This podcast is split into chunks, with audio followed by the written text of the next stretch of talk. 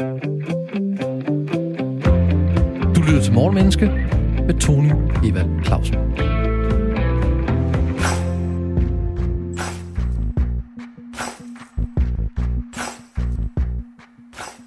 Ingen kan gå tilbage og lave en helt ny start.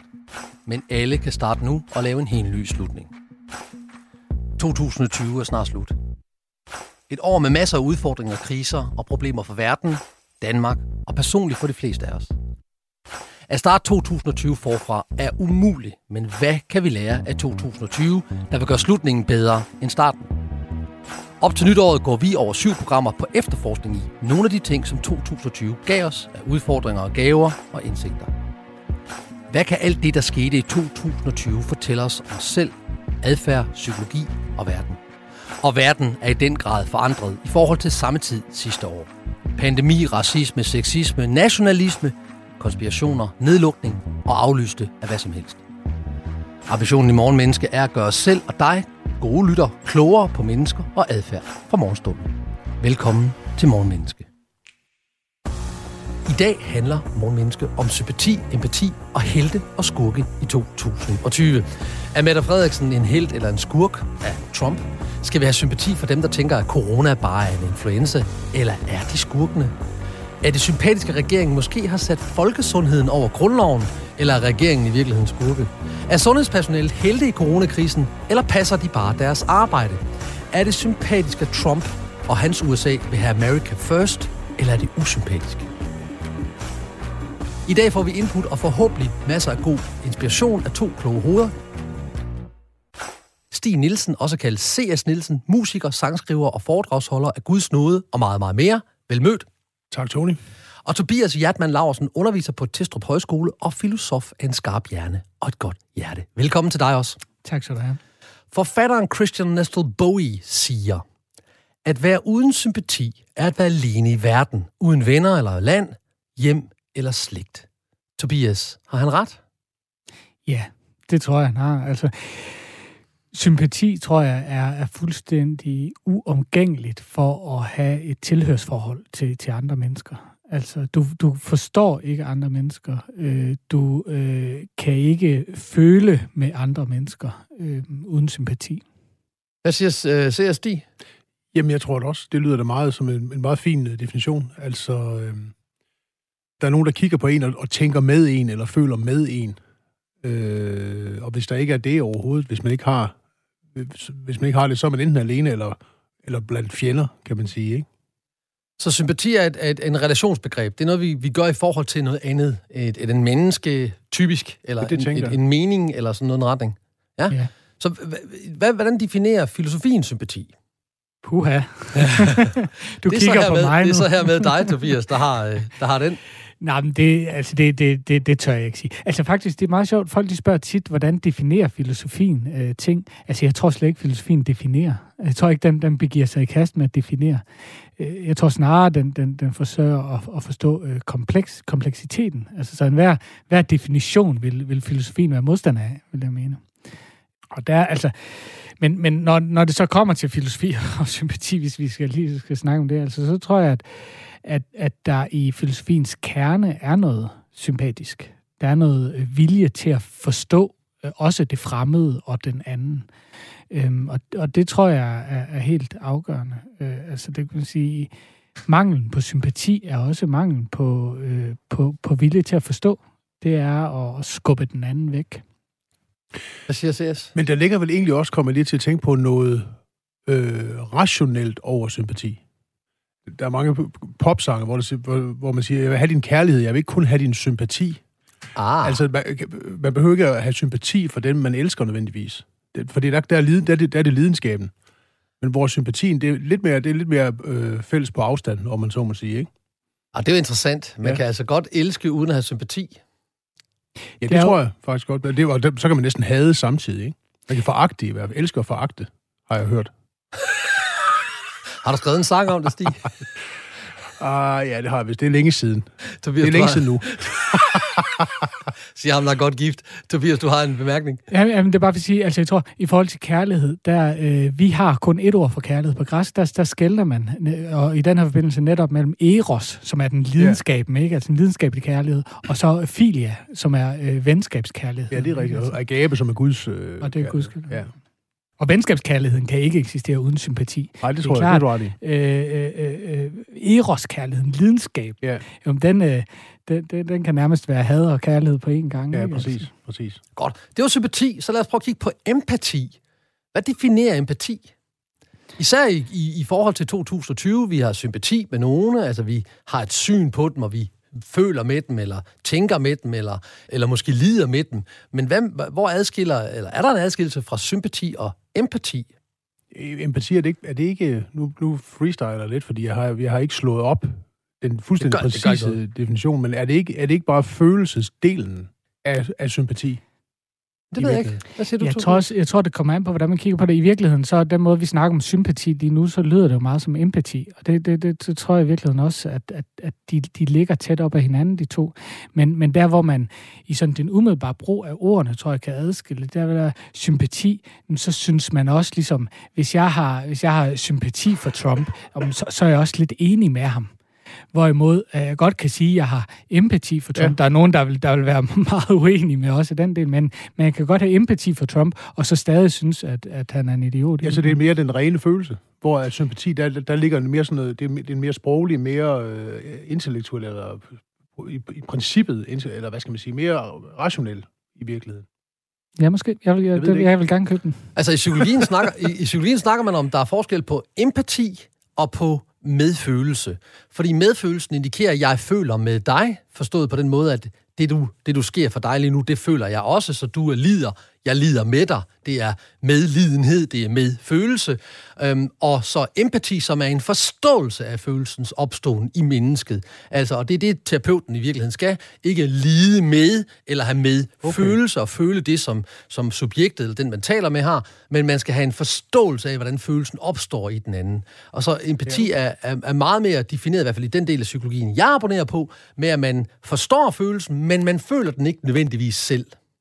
Jamen, så har det måske også forklaret os, hvorfor at, at, at man godt kan have empati for Trump, uden noget, overhovedet at være enig med ham, eller at synes det samme som ham. Ja, og det har jeg faktisk lidt. Altså, hvis jeg kigger ja, på mennesket Trump, så mm. ser jeg et grundlæggende ulykkeligt menneske. Altså, mm. hvis jeg, hvis jeg sådan, og, og man må ikke fjerne diagnostisere, jeg må da slet ikke. Men, men, men jeg ser, jeg, jeg føler med ham, fordi han har hele tiden brug for at og, og, og for, for sympati. Han har hele tiden brug for at sige, jeg er den lidende her, det er det, de gør ved mig, det er en heksejagt, det er de andre, det er de andre, der gør det ved mig, og det er det, den kinesiske virus, og det er demokraterne, og jeg har vundet valget, og det er, det er valgsvigt. Han har hele tiden brug for at sætte sig i en position, hvor han er offret, og, og taler til, at vi skal synes, det er synd for ham, at vi skal have øhm, sympati for hans standspunkt, og måske også, at vi skal have medlidenhed eller medfølelse for ham.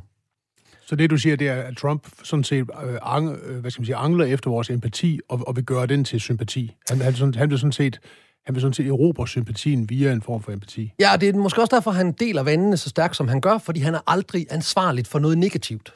Nej, præcis. Han er, han, han er aldrig ansvarlig for noget negativt. Noget negativt, der sker i USA, ja. det er altid noget, der sker og for det er ham. jo kernen. Det, det, det, det er jo det er jo det dårlige, man kan sige om Trump, og det, og det som sådan set er det, det, øh, det, som kendetegner ham i manges, i manges øh, blik. Ikke? Og, og det, som dem, som måske ikke øh, har noget negativt, dem, som holder af ham, er vel i stand til på en måde at se bort fra det. Ja, de ser bort fra ikke alene ja. det der, altså hans offerposition, som han forsøger at skjule som stærk mand. Ansvarsløshed jo, faktisk. Ja, og ansvarsløshed, ikke? som grundlæggende er et offer. Altså, det, ja. det, det, du ved, det, det, det er kun det dårlige, jeg har ansvar, eller det, jeg har kun ansvar for det gode, det dårlige har jeg ikke ansvar. Så er der en anden ting, de også ser ud over, og det er det, han lyver. Og det mm. gør han, og det gør han hele tiden, ja, ja. og det gør han konstant, og der er noget, der tyder på, han godt ved, at han lyver, men han vil gerne lave den her fortælling.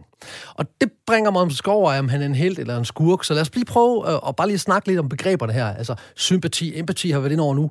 Hvad med helte og skurke? Hvad definerer en held? Og CS, nu kigger jeg på dig helt bevidst, fordi du er jo country-sanger af Guds nåde, og der må der være noget, det I arbejder rigtig helte. meget med, det er heltene. Jamen, altså, jeg, jeg mener, nu du siger, det er sjovt med ordet offer, fordi det, det kan også ligesom betyde forskellige ting, men jeg mener jo et eller andet sted, at være en held er en person, der er villig til at ofre sig. Okay, ja. Der, der er et eller andet, en, en held er en person, der, øhm, der tager et større, der tager et personligt, individuelt ansvar på fællesskabets vegne. Okay. Og, og, og, og så, så ligger der næsten sådan en øh, nietzscheansk super, supermenneske i det jo, fordi det er nogen, nogen, af, nogen af, af, af, på en eller anden måde øh, har det i sig, made of the right stuff, som er Sam Chuck Yeager, der lige er død. Altså, der har det i sig at, at, at kunne være helt. Ja. Og så er der dem, som har brug for helte, som ja. ikke er heltene. Altså, der er Sankt Jørgen, ikke, som øh, tager ud og tæmmer dragen og får prinsessen tilbage. Ikke? Det er jo helten. Det er jo, det er jo indbegrebet af helten. Slår han den ikke ihjel? Ja, det i nogle historier, men, men pointen er nemlig, at han skal sådan set overtage dragens... Øh, han, han går jo ud der i kaosverdenen og skal så at sige outkaose dragen. Han, han skal sådan set overtage nogle af dragens øh, egenskaber. For, og, og på den måde skal han sådan set på en måde blive venner med dragen, for at kunne overvinde den. Ja, han skal overvinde kaos, og kaos er et symbol på, på dragen, ondskab. Dragen er jo et symbol på kaos, kan man ja, sige. Undskyld, ikke? ja. Eller kaosvæsenet, ikke? Ja. Leviathan, om man vil. Ja. Super. Tobias? Jamen, jeg synes, det er sjovt også, også når, når I begynder at diskutere det her, at også selve begreberne, helte og skurke, altså de kommer fra fiktionsverdenen, ikke? Altså, og det er jo en måde at snakke om ondskab og, og godhed på, som er øh, båret af fiktionen. Og det, det tror jeg i virkeligheden er, er det vigtigste, man kan sige om helte og skurke, det er, de findes ikke. De er fiktion. De, borger, de findes, hvis de findes, så findes de som fiktion, og intet andet. Men, hvor, men fiktion findes. Fiktion findes, ja. Helt sikkert. Man kan også sige, findes, at de findes men, som myter, ikke? Jo, som myter, jo. Lige præcis. Som myter, som fortællinger. Som, som, som forestillinger, ja. som er en bestemt forestilling. Men, men det, vi gør med helte og skurke, det er, at vi, vi gør dem til noget, de ikke er. Vi, vi øh, idealiserer dem, eller demoniserer dem. Altså, vi, vi, vi gør dem til noget, de, øh, altså, vi gør dem til umennesker.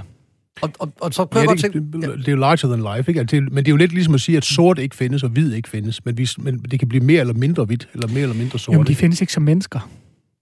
Nej, nej, de findes ikke i ren form, vel? men det er stadigvæk en type, som, som man, man, man, kan have, man, kan ant, man kan minde mere eller mindre Jamen, så, om, så, om en okay, type. så lad mig afbryde et kort øjeblik. Så, så hvad sker der så? Vi har en Morten Søndergaard og en Frank Jensen, der lige pludselig bliver skurke. Ikke? Men de er jo meget mere end den gerning, de har lavet. Ja. Men vi har en, men mennesket, så det er muligt, det er en fiktion i, i, i filosofien, eller fra Tobias' synspunkt, men reelt overfører det i min dagligdag. Jeg, jeg kigger på helte og skurke i min dagligdag. Min kone er en held, fordi hun har giftet sig med mig. Min nabo er en skurk, fordi han spiller højt musik øh, klokken 4 om natten.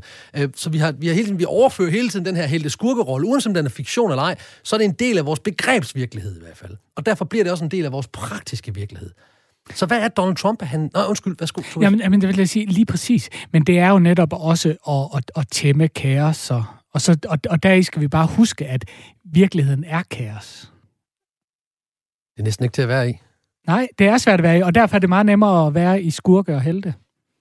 Men, men vi skal jo forsøge at tæmme den kaos. Vi, vi, skal jo på, vi skal jo ikke bare sige, at virkeligheden er kaos, og derfor så skal vi opføre os kaotisk. Altså, så, det, det, er jo ikke en, øh, det, det er jo ikke en måde at, at leve på. Du lytter til Morgenmenneske på Radio 4. I dag taler vi om 2020 og hvad det kan lære os om sympati, empati, helte og skurke. Og det gør vi, fordi 2020 har budt på masser af muligheder for at have sympati og empati, og måske også at kunne identificere nogle helte og nogle skurke. Til at gøre mig og dig, kære lytter, klogere på det, har jeg besøg af musiker, sangskriver, foredragsholder og en mand af mange meninger og få fortrydelser, Stig Nielsen og filosof, filosof et godt hjerte og underviser på Testrup Højskole, Tobias Hjertmann Laursen. Så, vi snakkede ganske før den her breaker lidt om, om helte, og det var vores begrebsverden. Sådan. jeg kunne godt tænke mig at snakke om, skulle vi nu idealisere og lave en held ud af 2020? Hvad for nogle helte har vi i 2020 i jeres verden? Jamen, det, det ved jeg ikke. Altså, dem, som jeg lige kommer mest, eller først i tanke om, det, det er dem, der står i, i første række på, øh, på hospitalerne, eller på... Øh, øh, plejehjemmene, eller hvor vil jeg, øh, hvor, hvor, hvor der måtte være mange øh, corona, altså hvor, hvor man netop er, bliver, hvor der er et højt smittetryk, som det hedder. Altså dem der, dem, der lever med den risiko, så at sige. Ikke? Men er, er de helte, eller passer de bare deres arbejde? Jamen, det, begge dele kan jo, kan jo være tilfældet, ikke? Hvad så brandmænd? Er de også helte? Altså, hvis, altså man kan sige, hvis, hvis man risikerer sit liv, det vil jo altid være mere end end et arbejde, ikke? Det vil det, være, det vil det jo nødvendigvis være. Tobias? Jamen altså, nu, nu beder du jo os om at, at, at komme med nogle helte, og dermed er vi jo lidt ret bundet af, at, at der findes helte. Men jeg, altså, jeg, jeg synes i virkeligheden, at det er ret... Øh, øh, jamen, altså, det, det, det bryder sig mod det, folk er, at kalde dem helte, synes jeg. Altså, der er fandme heller ikke nogen, der skal kalde mig helt. Jamen, der er jo ingen helte, der accepterer at blive kaldt helte. Det hører man næsten aldrig, vel? Nej, og det, og det er ikke kun, fordi de er beskedne. Det er også fordi, at helten, der, altså, det at lave en, en held ud af nogen, er at tegne et billede af dem, som intet yeah. menneske nogensinde vil kunne leve op til. Altså, det, for, det må være forfærdeligt at være en held. Tænk, mm. at det, det liv, man skulle leve, altså... Er sandt. Men har det ikke også noget at gøre med, at vi skal adskille funktionen eller handlingen fra mennesket? Altså, det, det, handlingen kan godt være helteagtig, eller begivenheden eller udtalelsen kan være helteagtig, men mennesket er fejlbarligt. Eller, eller, fordi det, det, jeg synes, det, det er tit det, vi har et problem med i den måde, vi kigger helte og skurke på. Vi kigger på funktionen præsident, og så kigger vi på, på Donald Trump, og så siger vi, at han er ikke præsidentiel, han lever ikke op til sin funktion. Og nogen siger, at det gør han præcis. Øh, her i Europa er vi jo ret enige om, at de fleste synes, at han er mindre end en held. Men er det et spørgsmål om at adskille, skal vi kalde det handlingen, der gør det helteagtigt, fra mennesket? Jamen, det må være en funktion. Altså lige så, lige så vel som sympati øh, kræver et, et forhold. Øh, at nogen skal føle, at, no, at, at noget, er, noget er sympatisk, ikke? Der skal være en modtager, mm. eller der skal være, der skal være et forhold, ganske enkelt. Ikke? Ja. På samme måde er det vel med en held, at det ikke, man ikke nødvendigvis kan be, selv bestemme, om man er en held eller ej. Det, det kommer ind på, om der er nogen, øh, som, som har brug for, øh, den, for at, man, at man, kan, man kan indtræde i en funktion, som nogen har brug for at, at, at, at kunne definere som en heltefunktion. Og det kan jo være det kan jo være meget sådan øh, øh, vilkårligt i virkeligheden. Ikke? Mm. Altså Taxi Driver, en fantastisk øh, øh, film med Robert De Niro, hvor, hvor han jo er en galning, og, og, og en fuldstændig plaget og fuldstændig øh, vanvittigt menneske, som er, som er på nippet til at blive øh, morder og, og, og blive betragtet som, som øh, udskud. Ikke? Men, men det ender med, at han, at han bliver en held, fordi han, han i sin, øh, sin, sin morder riske adfærd. Simpelthen så han, han jo forsøger at rydde op, men det gjorde Breivik jo også, kan man sige. Ja. Øh, så, så redder han så en ung, øh, en ung pige fra prostitution, og bliver så betragtet som en held. Og han bliver jo også morder til sidst. Ja, det, ja, det gør, han, men, han men det må helte, helte, helte, må, helte må jo netop bevæge sig ud i den der øh, kaosverden, ikke? Apropos helte, så, så må helten godt, nu spurgte jeg om, om regeringen er helt eller skurk i forhold til at sætte folkesundheden over, over grundloven, hvad de muligvis har gjort. Øh, og Mette Frederiksen, der bliver, så bliver en held i, i opstarten, i hvert fald i flest bevidsthed, men her på det sidste måske blevet mere en skurk, eller hendes regering er i hvert fald, så, så må, må helte, må vores regering, må dem, der skal styre landet igennem vores krise her, må de godt gå ud over loven?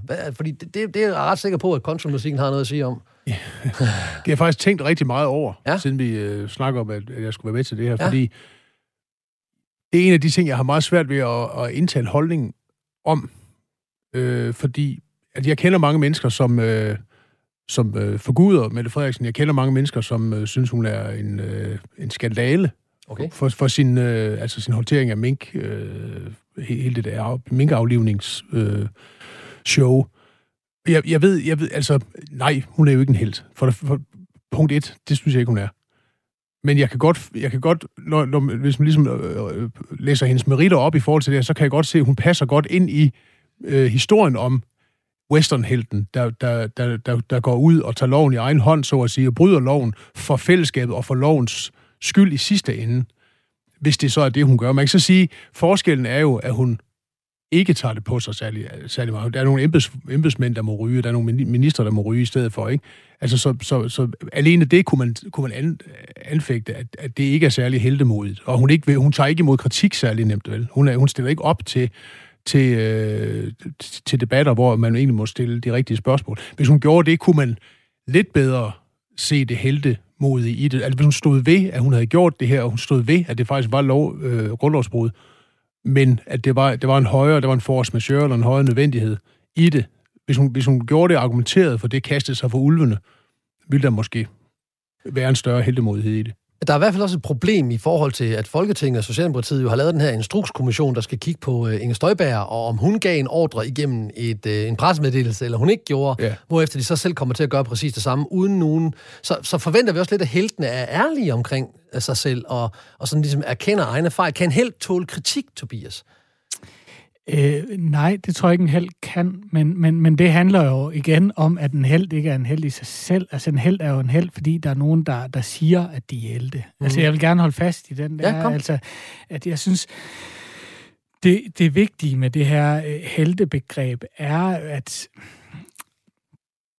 at det er noget, vi, vi, vi gør nogen til.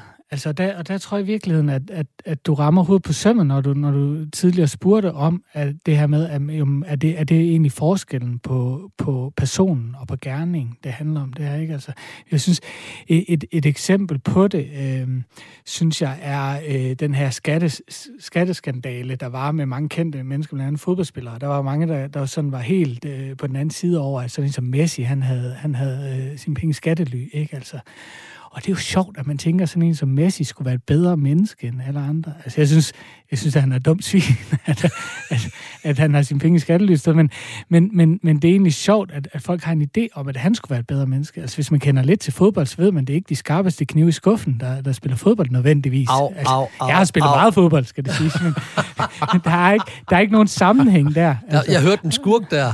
ja, ja, ja, det må du gerne høre. Du, du påtager dig rollen som skurk Det her. gør jeg meget gerne. Du Hellere outer alle fodboldspillere som værende mindre end gennemsnitligt intelligente. Jo, altså bliver man kendt som, som et, øh, på, en, på et tidligt øh, tidspunkt i ens liv, altså det tror jeg heller ikke er særlig øh, godt for den moralske dannelse, hvis jeg skal være helt ærlig.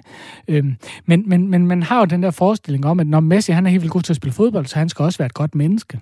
Og det, det synes jeg bare er, er helt hul i hovedet. Altså, man må kunne nyde, øh, øh, hvad skal man sige, det fodbold Messi spiller, og synes, det er sublimt, uden at man skal synes, at han er et godt menneske. Men det er jo den der, gode, den der gamle forståelse af, at, at, at onde mennesker også er grimme.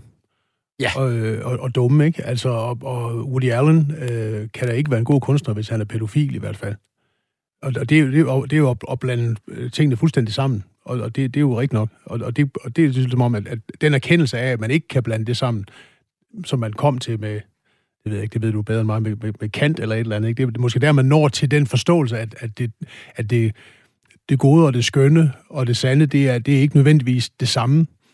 Øh, men det, det, er man så, det har man glemt igen i disse år, ikke? Altså, i psykologien kan vi i hvert fald sige, at vi har svært ved at forestille os, at et, et, et smukt menneske, der har et symmetrisk ansigt og er, er, er en symmetrisk krop, kan være ond. Altså, det har vi grundlæggende svært ved at forholde os til. Det samme har vi i øvrigt til moderrollen, at moderrollen kunne være ond, men at en far kan være ond, det kan vi sagtens abonnere på. Den er god nok, ikke? Fordi far er afstraffer. Øhm, og da mænd jo typisk også er dem, der typisk er mest udadreagerende, så giver det god mening. Men der er noget i den her med helte skurke i forhold til udseende også, og det er ret interessant. Men hvis vi nu skal prøve at binde en lille hurtig sløjfe på, hvem heltene var, det var der ikke rigtig nogen, der ville melde fuldstændig ind på. Men hvad så med skurkene? Er der skurke i 2020? Ja, jeg tror, der, der, der er masser af skurke i, i 2020. Altså, øh, vi har snakket meget om Donald Trump, en af dem. Men jeg synes, i, i det virkeligheden også, noget af det interessante ved, ved skurken og heltene, det er, at, øh, at de hele tiden skifter. Ikke? Altså, det, man kan være held det ene øjeblik og skurk det andet øjeblik. Det er Mette Frederiksen et godt eksempel på. Ikke? Altså, Mm-hmm. øhm, og det, det, det synes jeg igen øh, viser lidt det falske ved de her begreber. Ikke? Altså, at, jo, lige at høre, hvis, hvis, hvis, du, hvis du har en held, øh, med, lad os sige Mette Frederiksen, og så gør hende til skurk lige bagefter, Altså, det er ligesom det, det, er det der sker også, tænker jeg, med, med, med, med teknologien ikke? og de sociale medier, debatterne på de sociale medier, det er, vi, vi gør hurtigt folk til helte, og så har vi godt nok også travlt med at rive dem ned bagefter. Og jeg synes, der er sådan en sjov tendens det at man bliver ved med at gøre folk til helte, og bliver ved med at rive dem ned. Man tænker ikke over, hov, måske det der med at gøre folk til helte, mås- måske holder det ikke helt. Men er det ikke også, fordi det er en menneskelig natur, at vi gerne vil gøre komplekse ting enkle? Altså, vi har lyst til at gøre kompleksitet. Nu snakkede vi om Sankt Jørgen og Dragen, at kaoset bliver, bliver mega komplekst og u- u- fuldstændig ustyrligt. Så gør vi det enkelt. Det gør vi gennem religioner, idealisme, forklaringsmodeller, der ikke er, øh, Øh, skal vi sige, fyldskørende, udtømmende, forklarende på den virkelighed, vi oplever. Har, har vi ikke bare lyst til at gøre ting enkle? Jo, det har vi helt vildt meget lyst til, men det, men det er jo netop der, hvor jeg synes, at filosofien den kan byde ind med noget, at den kan sige til os, at ting er ikke nødvendigvis altid så enkle. Altså især, jeg synes faktisk, skurkerollen, eller synes jeg er et godt eksempel på det. Altså det, der sker ved, ved skurken, det er, at vi demoniserer skurken. Ikke? Altså, vi, vi, vi, vi gør personen til en, der, der er ond, og der er ikke nogen, altså der er ikke nogen empati for den her person. Altså, der, personen er ond for ondskabens skyld, ikke? Altså, og det synes jeg, det er sjovt. Men hvorfor gør vi egentlig det? Altså, jeg tror, vi gør det for at, for at simplifi- simplificere tingene, undskyld. Altså, for at, at sørge for, at vi ikke behøver at forstå den her person. Og vi taler meget mere om helte og skurke, empati og sympati efter nyhederne på Radio 4. Du lytter til Morgenmenneske med Tony Evald Clausen.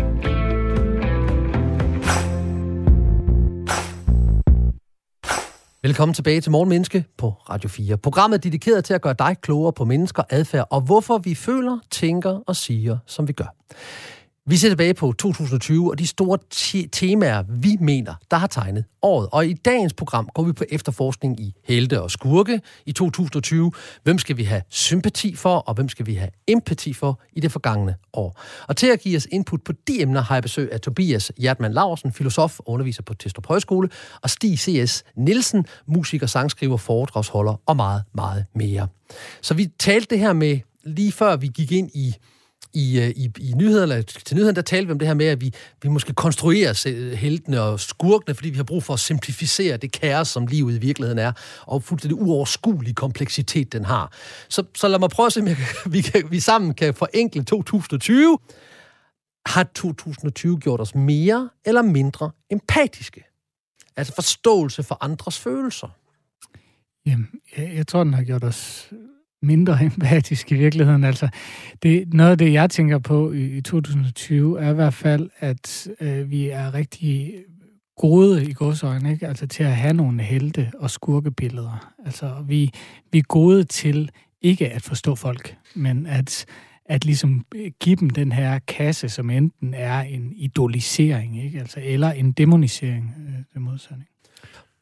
Altså, øh, ja, øh, jeg, jeg er enig i, at, at vi er vi er blevet mindre empatiske. Men, men jeg, jeg, synes, jeg synes, jeg vil godt lige, lige gå lidt tilbage til det med helte, hvis det er okay. Øh, fordi jeg, jeg, sy, jeg synes måske bare, at vi har, vi har øh, udfladet eller perverteret det, som den funktion, som, som snakken om helte er. Fordi jeg er faktisk ikke helt enig i det der med, at det er en simplificering nødvendigvis. Fordi, det er jo, fordi i virkeligheden er det med helte jo mere noget med, med, noget med arketyper, kan man sige, eller noget, noget, noget som vi som vi, nogle, nogle, nogle kroge, vi hænger nogle begreber op på. Det er, jo, det er jo ikke noget med, det, det er jo ikke interessant, hvorvidt en eller anden er en, er en held hele vejen igennem. Det interessante er, hvorvidt at vi nogle gange kan se en drage derude, og vi skal, vi skal finde mod til at gå ud til den drage og gøre det, vi nu skal gøre. Vi ser kaoset, og vi skal håndtere det er jo, kaoset. Det er jo et billede på noget, ja. vi, vi hver især må, må igennem. Og nogle gange tør vi ikke, og nogle gange mander vi os op, så at sige. Må, hvis man må sige, må man sige det i 2020, det ved jeg faktisk ikke men øh, du ved, hvad jeg mener. Du tænker øh, rent kønspolitisk, ja, om du må sige det. Ja. Altså, du må gerne sige det her, men du kan også sige personificere sig op, eller hvad ja. non-person, jeg ved det. ikke, hvad det hedder. Men vi har ikke lyst til at støde nogen. Mande og kvinder sig op. Præcis. Øhm, til at gøre det, og, og det er jo det der med, hvorvidt man, man, øh, man har mod til det, og hvor, hvor, altså det er jo, det er jo helte øh, myterne, helte øh, narrativerne er jo, er, er jo ikke sådan noget med, altså hvis man bruger det simplificerende, hvilket jeg er sådan set enig i, at det er det, vi gør, og det, og det er det negative ved det. Men man skulle mere se det som sådan nogle dynamiske myter, som vi kan spejle os i på forskellige vis, vil jeg mene. er meget klogt sagt. Ja, værsgo, Ja, jamen, jeg synes også, det, det, det er virkelig rigtigt, synes jeg, og også vigtigt, når man tænker på helte, at, at, at, at helten har også en... Øh, den har også noget, der, der er noget værd, øh, især i fiktionen. Ikke? Altså, I fiktionen er helten rigtig vigtig. Ikke? Også, også fordi det kan, det kan netop spejle, som du siger, det at skulle bære en byrde. Ja. Det at skulle bære noget, der er tungt og må, måtte gøre det alene. Ja. Ligesom øh, ringbæren Frodo, ikke? Altså, han ja, må præcis, bære denne præcis. byrde, ikke? Altså, sådan er livet jo. Ja. Og det at kunne spejle sig i det, øh, er utrolig vigtigt, tror jeg. Men man må bare ikke forveksle det med virkelige, ægte, altså øh, mennesker af kød og blod. Altså, hvis man gør dem til øh, den her øh, karakter, øh, helten, så, så, så, så forenkler man. Ja, selvfølgelig, selvfølgelig, fordi det er jo, det er jo en arketype, som jeg ser det. Præcis. Så, så, så lad, os, lad os lige prøve, fordi jeg vil egentlig komme til at snakke om Helle Hvad var det, igen. du spurgte om Ja, det var nemlig det, det var. Og det, jeg egentlig spurgte om det oprindeligt, det var, har 2020 gjort os mere empatiske i forståelsen af at kunne føle, øh, eller forstå andre menneskers følelser? Og jeg vil gerne komme med et eksempel. Hjemme i Galten Skovby, hvor jeg jo bor, der har jeg i min postkasse fundet en A4-ark, hvor der var tæt beskrevet fra en mand, der var fuldstændig overbevist om, at mundbind var det onde og det var, øh, det var i den grad sundhedsskadeligt at bære mundbind, og det var i øvrigt alt sammen noget fis i en hornlygte, og han havde meget, meget øh, illustrative billeder på den her, og man kunne sågar ringe til ham, hvis man gerne ville, hvis man gerne ville øh, have flere af de her folder, man så kunne ligge i andre postkasser andre steder. Og, og, og jeg synes jo, jeg vil gerne erkende, at jeg synes, det var rapplende, øh, øh, det der stod, men han mente jo at kunne bevise alt det her. Men hans intention var jo, at han gerne ville det gode. Altså, han havde en eller anden forståelse af følelser hos andre. Men i min tolkning af det, så, så følte jeg mig nærmest sådan et overgreb på min postkasse. Og det, det er nok ikke den eneste, der har gjort, for han skrev faktisk også, jeg må gerne dele det her rundt ifølge postloven af 1900 et eller andet paragraf 32 et eller andet sted. Men, men hvis jeg nu så mennesket bagved, så er det jo et angst menneske, der er bange for, at vi bruger mundbind, og derfor øh, inhalerer vores egen kolilte, og vi bliver mere syge af det, hvilket jeg ikke tror er rigtigt. Men det interessante her er, er han medfølende? At han, at han, forstår han andres følelser? Eller er jeg den eneste i det her, der forstår hans følelser? For han står han mine, fordi jeg er uenig? Eller hvad, hvad, hvad, hvad, hvad tror jeg, der sker i 2020? For der er den her polarisering, ser jeg mere og mere. Selvom mennesker, jeg har stor respekt for, og som jeg er på Facebook med, begynder også at lave opslag op med rapplende, i min verden, rapplende gale opslag om, at covid-19 er bare en influenza, og det, det er noget, de har pålagt os alle sammen, og nu skal vi inficeres med en vaccine, og den vaccine er der en chip i, så de alle sammen kan holde styr på os. Hvis, hvis, nu, de, hvis nu han har ret, eller hvis nu han, han mener, han har, altså han er jo formodentlig overbevist om, han har ret. Det er der noget, der tyder på, hvis man og, læser og, det, han og, skriver. og, og, og på samme måde, øh, og, og, og derfor er det jo empatisk, vil jeg mene. Derfor vil det være uempatisk at, at tige stille for ham, ikke? Ligesom Jehovas vidner jo går ud og, og prøver at, at få øh, flere mennesker i himlen. Ja. Det, er jo, det er jo noget, det, altså, jeg kan ikke komme i tanke om noget, der skulle være mere empatisk, egentlig. Men du skal være, og, det, og det, der er interessant i det her, det er, både ved Jehovas vidner, og ved ham, der sendte den her rundt, og ved alle mulige andre, der måtte have den her mening, det er det muligt, at det er empatisk et sted i deres bevidsthed. Men der er også en adskillelse af, hvis jeg ikke er enig med dem. Altså Jehovas vidner og andre, der abonnerer på dommedag, det er jo det, hvis du ikke er del af os, så dør du. Ja. Altså, så, så dør du, forgår Eller, du. eller Greta Thunberg. Eller Greta Thunberg, for den forstå. Så, så er, det empa- er det empati? Altså, hvad har 2020 gjort ved os i forhold til at det her enorme kompleks, vi har foran os, hvor noget er empatisk, og samtidig er det det modsatte. To begreber, der eksisterer på samme tid i samme rum. Tobias? Ja, øhm, altså, jeg, jeg ved det ikke. Altså, jeg synes, man kan så nemt begynde at, at, at prøve at gætte på, hvad det er, der foregår i andre folks hoveder, ikke? Altså, og det, det vil jeg også meget gerne gøre, når jeg har en god idé om det, men det, det, det har jeg bare ikke altid. Altså, øh, og jeg synes, i bund og grund, så, øh, så, så, så vil jeg hellere, især når det handler om moralske spørgsmål, som det jo gør, når vi, når vi, når vi uddeler de her øh, markader god og ond, ikke? Altså, så vil jeg hellere øh, holde den på egen banehalvdel og ligesom sige, når, hvordan, hvad, hvad, hvad, hvad er mit forhold til det her? Fordi altså, jeg kan også, den der polarisering, som du snakker om, det, det, det, det skyldes jo også, at, at vi alle sammen har det ret svært med nogle mennesker, der har visse synspunkter, ikke? Altså, og, og, og det er rigtig øh, nemt, for at komme tilbage til den pointe, ikke? det er rigtig nemt at give dem markaden ond. Altså, de, de er bare forkert på den. De har ikke forstået noget. De er onde. De skurkene. De skurkene er lige, lige Fake præcis. news og udbredelse af dårlige videnskab osv. Lige præcis. Ja. Men, men, og der synes jeg, det er sjovt. Hvorfor har jeg egentlig behov for at, at, at karakterisere nogen som helst som skurke øh, eller onde? Og der, der tror jeg, det, det er noget, jeg har tænkt meget over. Altså, der er jo mange gråzoner, som vi snakker om nu her, også i coronadebatten. Altså, der, der er nogle... Øh, der er nogle tilfælde, hvor, hvor vi kan være noget, altså det er nemmere at blive enige. Altså sådan nogle tilfælde som Anders Breivik, øh, Adolf Hitler. Det er sådan nogle, sådan nogle tilfælde, hvor vi alle sammen kan blive enige om, det var onde mennesker. Mm. Og, og der har jeg nogle gange tænkt på, jamen, hvorfor, hvorfor har jeg brug for at, at markere, at de er onde mennesker? Og det, det tror jeg, det gør. En ting er, at det er nemmere for mig, at det er simpelt og så videre, ikke? Altså, men, men, men jeg tror også, det handler om på en eller anden måde, at, at jeg er bange for at kunne forstå dem. Jeg er bange for at kunne forstå det, Anders Breivik gjorde. Altså, det er jo ret voldsomt at sige, ikke? Altså, men, men jeg tror, det, det vi oplever, når vi oplever andre mennesker gøre noget, om det er godt eller ondt, det er, at vi oplever, at de øh, gør noget, som jeg også kunne gøre. Nå, øj, det er da en idé, det kunne jeg da også gøre, det her. Man ser det som sin egen mulighed. Og det har vi ikke lyst til, når det kommer til sådan en som Anders Breivik. Og derfor gør vi ham ondt. Jeg tror, du, det er fuldstændig rigtigt, at, at, det, er, at det er meget øh, skadeligt at tale om onde mennesker, faktisk. Lige så vel som det er skadeligt at tale om gode mennesker. I, måske især, hvis man synes, man selv er en af dem. øhm, øh, og på samme måde med helte, at man ikke skal, måske ikke skal tale om helte, men man skal tale om den myte, som man så i større eller mindre grad kan forholde sig til. På, men måske kan man tale om ondskab, og måske kan man tale om, om altså det gode og det onde, kunne man måske tale om i stedet for. For, for, for en del år siden spillede jeg nogle fængselskoncerter, en lille turné på nogle danske fængsler. Og øhm, første koncert var i Hersted Vester. Og jeg vidste, jeg, politi- jeg, jeg vidste ikke, hvem der sad der. Jeg, jeg vidste ikke, hvad for en type øh, indsatte, der var i Hersted Vester. Vi, vi spillede, og det, det, det blev meget vel modtaget, og det gik godt, og vi har talt med mange af dem bagefter, de viste mig alle mulige ting. Købte en masse plader. Og så spurgte vi øh, fængselspræsten bagefter, hvem er det, vi har spillet for? Så sagde han, det er dem, der ikke kan være i andre fængsler. Det er dem, der har øh, været bestialske over for kvinder og børn typisk. Og, der, og, og mit, mit, min, min, min første reaktion var, at jeg jo havde kigget de mennesker ind i øjnene, uden at tænke det. Og, og det, jeg så, da jeg kiggede dem ind i øjnene, det var noget, der mindede meget mere om mig selv, end det ikke mindede om mig selv. Og derfor var det jo også deres, for så vidt også deres ondskab, som jeg, som er tilbagevirkende kraft, erindrede spejlet. Altså det, så, på den måde var det jo så også min ondskab. Altså, hvad hedder han, Peter Lundin var der ikke, men han, han, han skulle noget andet den dag, eller hvad det nu var. men han sad der også. Øh, så, så, så, så, og det er muligvis en banal øh, konklusion, men det, er, det tror jeg ikke, det er i 2020 faktisk, for det, vi har glemt vi har glemt det der, som, som Goethe sagde, han vil gerne erklære sig medskyldig i enhver forbrydelse, et menneske nogensinde kunne finde på at, at begå, fordi det var at, at være delagtig i menneskeheden. Du lytter til Radio 4 og programmet Morgenmennesker. Dagens emne er helte, skurke, sympati og empati i forhold til alle de ting, der er sket i 2020.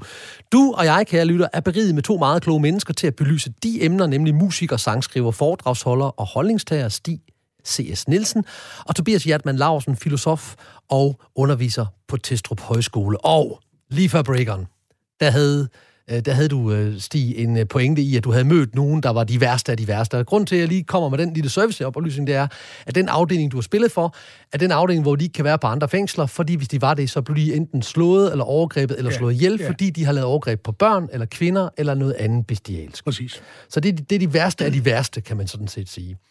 Og det, det du så oplever er, at du møder mennesker, inden du vidste, hvem det var. Ja, og, jeg, og i min, i min øh, hjerne tænkte jeg nok, ham der, han må være en revisor, der har snydt lidt. Ja. Det er jo sådan, det er jo sådan min, min første... Han, han er så normal. Han ser så normal ud. At det, men, det, men det er jo fordi, vi, at, at det her normalbegreb på en eller anden måde har, har fået sådan en opblomstring. Altså, det er nok også derfor, så får man diagnoser og sådan noget. Alting er i forhold til normalbegrebet. Hvor at, at jeg godt kunne efterlyse, som Flannery O'Connor sagde, den gamle sydstatsforfatter, at, at, at vi skal forstå, at, at vi lever i en falden verden, hvor alle er freaks. Så derfor så skrev sydstatsforfatter skrev altid om freaks, ja. og om sådan lidt uh, ulækre, uh, sådan afvigende ting. Fordi det forstår vi i sydstaterne. Fordi det forstår, vi, for, vi ved godt, at der ikke er nogen, der er normale. Vi er alle sammen freaks på en eller anden måde. Og det er jo sjovt, fordi lige nok sydstatslitteratur er typisk, meget arketypisk, enten så de overvægtige, eller så de undervægtige. Det, det er ligesom de to, der er ikke rigtig nogen, der er normalvægtige. Præcis. Jeg har lyst til at knytte en bemærkning, og så får du lov til at sige noget, Tobias, det ved jeg, du gerne vil, til præcis dine oplevelser med de her meget, meget kriminelle mennesker, der har lavet de værste ugerninger. Øhm, øh, den tidligere drabschef for, øh, for øh, rejseholdet, Bent Især Nielsen, som jeg er stolt af at kunne kalde en af mine gode bekendte, han har skrevet en bog, der handler præcis om den, den, det, her, det her skisme, der er i, at han jagter et bæst, men han fanger et menneske. Og han fangede sådan, i bogen beskriver han, hvordan han fanger det her menneske, der har slået en lille dreng ihjel på 12 år, og gjort de frygteligste ting ved den her lille dreng. Men da han sætter over for den her gerningsmand, som er meget mere end sin gerning, så møder han et menneske, og, og det er ret interessant, at vi møder, vi er aldrig det værste, vi har gjort. Vi er heller aldrig kun det bedste, vi har gjort, ergo helte skurke. Vi er alle mulige ting. Og så må vi jo tippe på, hvad vi er mest efter, hvad, hvad vægter mest den her. Og, og hvad skulle Tobias? Jamen, nu, nu må jeg bare svare på det, du siger, for det ja. synes jeg også er, er, er vigtigt, ikke? Altså, at, at jo, altså, hvem, hvem skal lave den dom? Altså, det er ret, synes jeg er ret interessant, ikke? Altså, altså, det er jo derfor, vi har sådan noget som dommedag. Det er fordi, det er ikke, det er ikke mennesker for ondt at, at lave den dom hvem der er gode og hvem der er onde. Og det synes jeg er en af de, de, de største farer, også når man snakker skurke helte, det er, at, at man stiller sig i en position, hvor man kan definere skurkene og helten. Ikke? Altså, man, man har set det klare lys, man har set, hvad sandheden er i verden, så man kan svare på alles vegne om, hvad de bør gøre, og hvad de aldrig nogensinde må gøre. Ikke? Du havde også noget til det, jeg sagde. Øh, ja, det, ved jamen, jamen, det var bare en, en, en lille kommentar til det, hvor altså, jeg synes, at øhm, altså, det var det her med, at, øhm, at vi, vi har en, en tendens til at diagnostisere, og vi ikke vil have, at, at, at, at de onde er normale. Altså, det, det vil jeg bare bekræfte med, med et par eksempler. Ikke? Altså, det var det, hver gang vi, vi møder noget, der er uhyggeligt for os, så, øh, så, så vil vi have, at, at, at der, der er noget sindssygt i det, ikke? Altså Peter Madsen, øh, Anders Breivik. Vi vil have de sindssygt, for hvis de er normale, så er de jo ligesom os. Ja. Altså, og så begynder det at gøre ondt, ikke? Altså. Og det er, jeg synes, den der, den der angst for ondskaben, synes jeg er, er ret interessant, ikke? Altså, det er jo i virkeligheden angsten for det, jeg selv kan finde på at ja. gøre, ikke? Altså, og der, der tror jeg, det i virkeligheden er sundt at erkende en gang imellem, at ondskaben også lever i mig. Øhm, og, og at jeg, jeg kan finde på at gøre forfærdelige ting. Ikke? Men det, det er en god... Altså, og, og det er også interessant i forhold til 2020, at vi jo har haft den her svingning mellem nogle helte, nogle skurke. Vi gør det, altså covid-19 er helt sikkert en skurk. Men også det, vi kan se på gader og stræder. Fordi prøv at, at være øh, åndedrætshemmet og gå ind i det store center. Øh, selv, hvis du har, øh, selv hvis du har sådan en markat på, der siger, jeg kan ikke øh, trække vejret med mund, mundbind på, eller med mundmaske på, eller ansigtsmaske på, så bliver du kigget på, og der er simpelthen en adskillelse. Det er jo simpelthen en problematik, at vi gør dem, der ikke holder afstand i forhold til vores egen bedømmelse, og dem, der ikke har, har, har, har ansigtsmaske på, til skurke, uvidende om, hvorfor de, øh, hvorfor de ikke har mundbind på. Det ligger jo meget i 2020, i hvert fald her den sidste del af 2020, da vi skulle begynde at bruge mundbind i Danmark, som man jo har gjort i Tyskland faktisk øh, for, for lang tid siden, at vi har sådan en tendens til at gøre det til helte og skurke. Så hvis nu, hvis nu jeg gerne... Og, man, og det er altid de andre, der er skurke jo, skal vi lige huske. Mm, ja, altså... Mm, åh, Dem, der råber op om det. Ja, i psykologien er det jo således, at når du Jamen, råber... 2020, det er ikke noget med psykologi. Nej, det er rigtigt, ja. Men, øh, men der, er, der, er, der er den arbejder bare i, at det er fuldstændig rigtigt, når vi råber. Så har vi ja. sandsynligvis en, sådan en klar idé om, at du er der, jeg er her, jeg er bedre end dig. At du er skurken, det er jeg ikke. Men der er faktisk også forbløffende mange mennesker, der oplever de skurke i deres eget liv, og skurke over for sig selv, og det er det, jeg kalder offermentalitet, hvor ja. man synes, man er, man er et offer for sin egen personlighed, eller for, sin, for sit eget liv. Det vil jeg bare lige bringe ind i det, inden vi sådan siger, at alle mennesker kigger. Der er også en ret stor del, der er så ængstlige, de selv synes, de er fejlbarlige, og de har gjort noget forkert. Det bliver jeg nødt til at bringe ind i, sådan, i, næste, i min fortolkning af næste kærlighed. Der er nok mere byg på, trods alt tror jeg. Men det er så nok bare... Ja, men der er sådan en destruktiv ting i menneskeheden. Ja, jeg tror også, der er, en, der er en destruktiv ting der, men jeg tror også, den hænger meget sammen med en generel dyrkelse af øh, jo, helte og skurke. Igen, fordi de her ting hænger sammen. Helten og skurken hænger sammen. Ja. Ikke? Altså, øh, hvis, man, hvis man vil være held, øh, jo, så, er der, så er man øh, lynhurtig til at blive skurk, når man ikke kan være held. Ikke? Altså. Mm. Og der, der, der tror jeg også, at den her tendens til at kigge på sig selv som skurk, eller til at kigge på sig selv som alle de fejl, jeg laver, jo, det, det fylder jo kun utrolig meget, fordi man vil være fejlbarlig. Eller, undskyld, undskyld, fordi man vil være ufejlbarlig, ja. lige præcis. Ikke? Altså, at man vil være øh, en held, at man vil være perfekt. Og derfor kommer, kommer fejlene til at fylde meget. Ikke? Altså, øh, så jeg tror, at de der, de der begreber hænger sammen. Altså, det er ikke sådan, at, at, at at man kun ser skurker overalt. Det er ligesom helten følger med. Mm. Og, og på samme måde med, at man ser ikke kun helte overalt, skurken følger med. Ikke? Det er jo fordi, vi lever i en tid, hvor man ikke har nogen syndsbevidsthed. Og jeg var lige ved at sige det. Værsgo at tale lidt mere om det der med syndsbevidsthed. Jo, men altså, det er jo... Altså, om man er religiøs eller ej, så er det jo en, en del... Det, det er jo en af de store gaver, alle... Altså, hele kristenheden har fået af kristendommen, når man så må sige. Altså, den kristne verden at man netop har syndsbevidstheden. Man, man, man får at vide, at du er et syndigt menneske. Vi er syndige mennesker. Vi møder, vores fællesskaber er baseret på, at vi er syndige mennesker. Og syndige mennesker vil jo ikke sige, at, at, vi, er, at vi kun gør onde ting. Det, syndige mennesker, det vil sige, at vi sigter, men rammer ved siden af. Så at sige, ikke? Ja, så skal jeg lige huske at sige, at det er jo Luther, der siger, at vi alle sammen er syndere. Det gør katolicismen ikke på samme måde. Skal man lige huske de, at sige. de, de mener, at man på en eller anden måde øh, Kan kan, forlades. kan kravle lidt op ad den ja. stige. Så er der så syv ting, du kan gøre, som er fuldstændig Jo, utilgivelige. Jo, jo, men det er jo dog, dog ikke en... Øh, ej, det, det, det, det er lidt, måske lige lidt for firkantet sagt, men jeg, jeg forstår din, øh, din pointe. Tak, du er meget overbærende med mig i det her sammenhæng. Godt, jamen, Men det, altså, men det er jo interessant, synes jeg. Jeg synes i virkeligheden er så, at der vil jeg også gerne tage lidt for den her øh, øh, manglende øh, kristendom, der i virkeligheden er, eller manglende religion, jeg tror, der er i vores liv i dag. Altså det handler også, hvis man sådan snakker i filosofiske termer, så øh, er Nietzsche kendt for at sige, at Gud er død, og det er mennesket, der har dræbt ham, ikke altså? Og spørgsmålet er, hvad der sker, når der ikke er nogen Gud. Jo, det, det gør ikke, at Gud forsvinder fuldstændig. Det er, at Gud bliver os selv. Vi er selv blevet guder, ikke altså? eller og der, idealismen. eller, og det er jo idealisme, men, men det er også en bestemt type idealisme.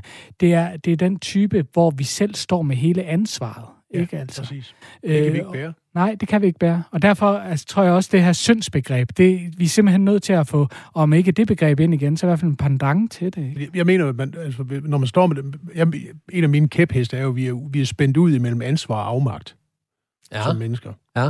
Og, og det kan vi... øh, Og det, det er sådan set to umulige øh, øh, begreber, som vi skal, vi skal finde en balance, en umulig balance i, så at sige. Og det er derfor, vi har brug for øh, en gudstro, for at kunne forholde os til det. Og hvis vi ikke, altså som, som man kan sige, enten, enten så, så lyver vi for os selv og siger, vi, har, vi er ikke afmægtige. Vi, vi kan godt leve op til ansvaret. Ellers så siger vi, vi har ingen ansvar. Vi har kun afmagten. Så bliver vi nihilister, kan man sige. Ikke? Og, og hvis, man, hvis man er ærlig nok til at forstå, at de to øh, findes, så går man enten, så må, må man enten gå til i drukkenskab eller i øh, depression over, at de ikke kan hænge sammen. Ja. Eller, ellers så må man hoppe ud på de 70.000 fagne. Så lad mig spørge om noget, som binder det hele lidt sammen i forhold til empati, sympati og i forhold til helte og skurke. Ender vi i virkeligheden den her diskussion med, at det hele betinger sig, at du er en skurk, hvis du er sønder, og du er en held, hvis du ikke er sønder? Det, er, det, er det synden, Det der er kommer ind her? 2020's øh, evangelium, ja. Det er 2020's evangelium. Og så bliver jeg nødt til at spørge, og det er kun fordi, jeg igen og igen oplever den her skyld- og skamfølelse, som kommer af, at jeg har syndet i mennesker, der er i ubalance. Jeg har skyld, jeg har skam, øh, jeg skammer mig over mig selv, jeg har syndet, jeg, jeg skal skamme mig, eller jeg skal føle skyld over et eller andet. Hvad har synden til os af gave? Hvor er gaven henne i hele begrebet om, at der er noget rigtigt og noget forkert? I ideali, idealistisk set, der, du skal leve dit liv sådan her, det kan jeg ikke, ergo er jeg synder. Hvad har synden af gave til os? Jamen, den har jo den, den gave, at den øh, giver skammen plads. At den siger til, at skammen er okay at have. Ikke? Altså, jeg tror, skam Vilkår. fylder så meget i dag, fordi at der ikke er plads til den, fordi den, den ikke må øh, være der. Øh, og derfor vi forsøger alle sammen at undertrykke, at vi har den, og derfor fylder den så meget for os. Ikke? Altså, Men hvad gør skammen enten undertrykker os? Det skammen gør, det er, at øh, den splitter os som mennesker. Ja. Den siger, at den, jeg gerne vil være, og den, jeg er, er ikke nødvendigvis den samme.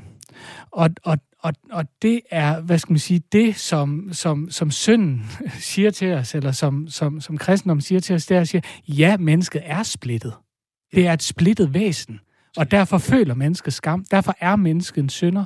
Men det, vi bilder os ind i, i vores tid, det er, at, at nej, nej, jeg er et. Jeg er ikke et splittet menneske. Jeg har kontrol over mit liv. Jeg har skal- kontrol over min lykkes. identitet, ikke altså? Vi skal kunne lykkes. Ja, vi skal kunne lykkes, og vi skal kunne vide, hvem vi er. Det er, den- det er den store øh, moderne myte, den, den, eller senmoderne myte, om man vil, som er øh, ren gift. Interessant, for jeg har præcis den modsatte holdning til alt, hvad jeg lige har sagt. Fordi, fordi, fordi, det, fordi vi, vi skal have at vide, at vi er lykkedes. Nej, jeg mener, øh, okay... Det, Jamen, det mener jeg jo, Jeg, jeg, jeg, jamen, jeg synes ikke, det er pangdangen til at være syndfri. Det er ikke, at man så er lykkedes, men... men Nå, nej, men man er ikke lykkedes, men man, man, er, man er elsket, om man så så må sige. Men vi- Det, det er det, det handler om, ikke? Jo, men jeg elsker jo min datter, øh, uanset hvad hun gør i livet. Der er jo ikke noget, hun kan gøre, der ophører. Min kærlighed til hende vil ikke ophøre, uanset hvad hun gør. Om hun så bliver en ny Breivik, så vil jeg stadigvæk elske min datter. Det er jo problemet i, at det burde jeg holde op med ifølge sønnen, for hun sønder. Nej, nej, det, det, det, det er fuldstændig misforstået. Ja, det glæder er. mig at høre. Ja, det, det, det undrer mig egentlig, at du... øh, Ja, nå, det skal Jamen, ikke det- altså, det- er fordi, det- jeg, det- det, der er jeg, jeg, jeg interessant i grundlæggende har en holdning til, at, at jeg, når, jeg, når jeg møder mennesker i forbindelse med mit erhverv, så møder jeg igen og igen mennesker, der er tynget af en skyld og en skam, de ikke kan gøre noget ved.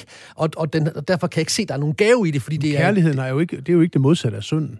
Øh, det mener jeg, det er. Kærligheden er jo, er, jo, er jo et eller andet sted det, der relativeres, eller det, det som, som ikke ophæver, men, men som, som gør, at, at synden ikke er det, det primære øh, øh, fortegn. Jamen, så er vi jo enige der, fordi det er nemlig, kærligheden kræver intet. Kærligheden er. Præcis. Og kærligheden til 2020, hvordan kan vi give den noget kærlighed ud i, i helte og skurke i... Øh, vi har et minut til lige at runde af på den. Værsgo. Jamen, jamen så tror jeg, det, det vigtigste er simpelthen, og, og altså kærlighed, tror jeg, hænger sammen med forståelse. Og det der med at gøre øh, folk til helte og skurke, det hænger sammen med at og, og ikke at forstå i virkeligheden, og gøre mm. tingene mere simple, end de er.